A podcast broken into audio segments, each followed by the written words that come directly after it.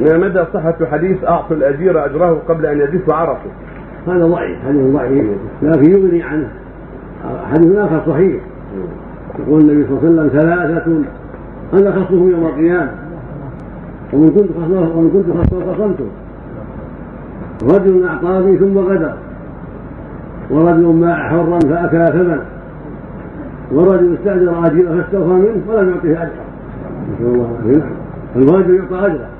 ولكن كونه بادر قبل أن يدفع هذا الحديث ضعيف. الواجب البدار بإعطائه إياه ولا بعد ما جف عرقه